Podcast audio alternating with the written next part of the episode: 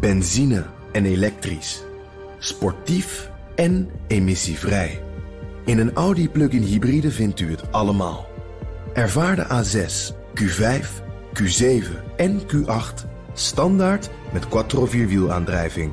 Wat u ook zoekt, u vindt het in een Audi. Audi. Voorsprong door techniek. Postma in Amerika.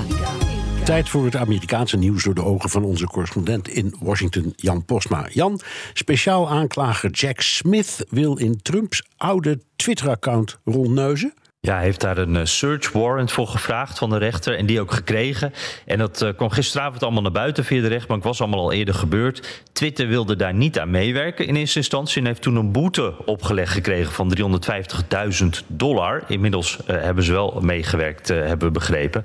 En ja, Smit die heeft bij de rechter moeten onderbouwen dat er dus een goede reden is om dat account van binnenuit te kunnen bekijken. Dus het lijkt erop dat er door anderen naar verwezen is of dat er via een andere weg informatie is die het aanneemt maakt dat er dus informatie te vinden is in Trumps account die belangrijk is voor dat onderzoek uh, naar uh, 6 januari en alles eromheen en de manipulatie van uh, de verkiezingsuitslag. Nou, en dat zal dan gaan om bijvoorbeeld inloggegevens. dan kan je nakijken wie welke tweet heeft verstuurd. Dus dan zou je ook kunnen zien welke tweet door Trump zelf is verstuurd. Dat kan belangrijk zijn voor het onderzoek.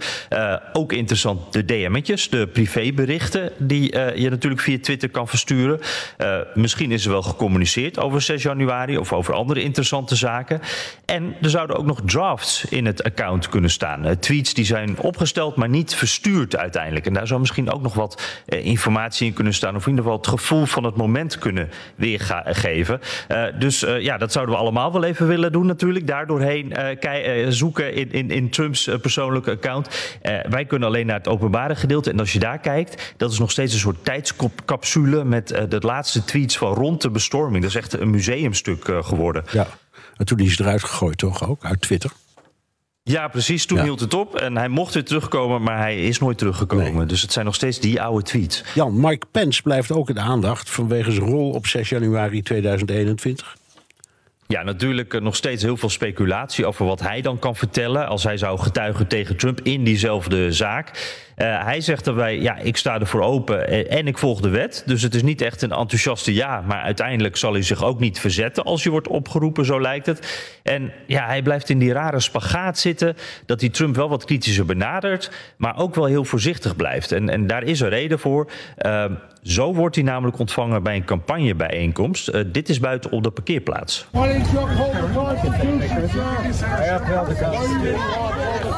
Read it. Can they take a picture with you?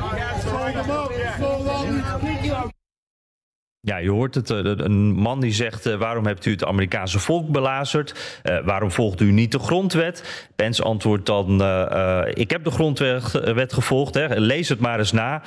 en op de achtergrond roept iemand steeds verrader. dit gebeurt dus nog steeds. En dat is ook de reden waarom bijvoorbeeld Ron DeSantis zich wel steeds meer uitspreekt, maar toch ook weer niet helemaal durft. Want ze zijn allemaal bang dat dit soort dingen blijven gebeuren. En dat zij ook allemaal dus de toorn van die Trump-supporters over zich heen ja. krijgen. Al die aanklachten tegen Trump zorgen niet alleen voor extra werk voor advocaten, ook een lookalike profiteert. Ja, de, de impersonators, de imitators, dat is echt een, een hele industrie. Uh, en die hebben ook extra werk uh, dankzij al het gedoe uh, rond, rond Trump. Dat zegt tenminste Bob DiBono. hij is in te huren voor feesten en partijen. En hij doet dan Donald Trump na. Hij maakt dan heel flauwe grappen. en dat klinkt ongeveer zo. We started off with 17 candidates in the Republican Party. Then we went down to about 12 because Chris Christie ate about five of them.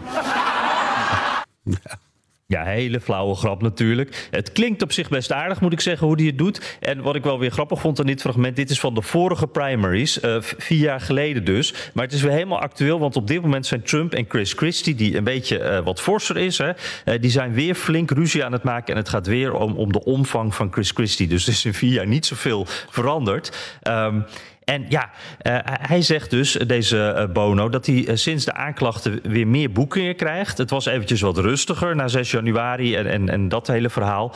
en nu zijn het vooral Trump-supporters die hem boeken. Want ja, die willen toch wel weer hun held eigenlijk, eigenlijk zien.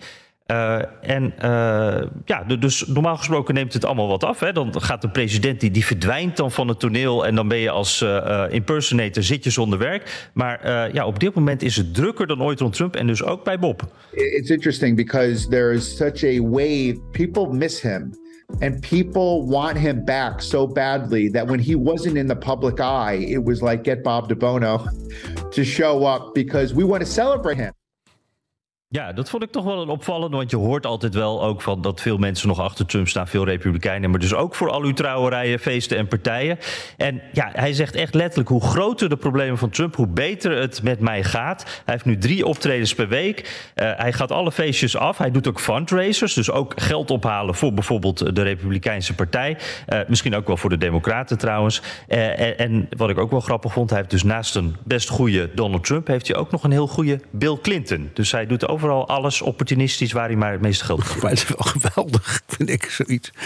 Ja, um, het, het laat overigens wel heel veel zien over de onvoorstelbare populariteit van Trump. Hè. We hebben vaak, zeker in het buitenland, geen notie van hoe enorm dat is. Nee, precies. En dat vind ik hier dus ook wel interessant aan. Want we horen die cijfertjes wel van, oh, in de peilingen doet hij het nog steeds goed. En, en hoe zit dat dan?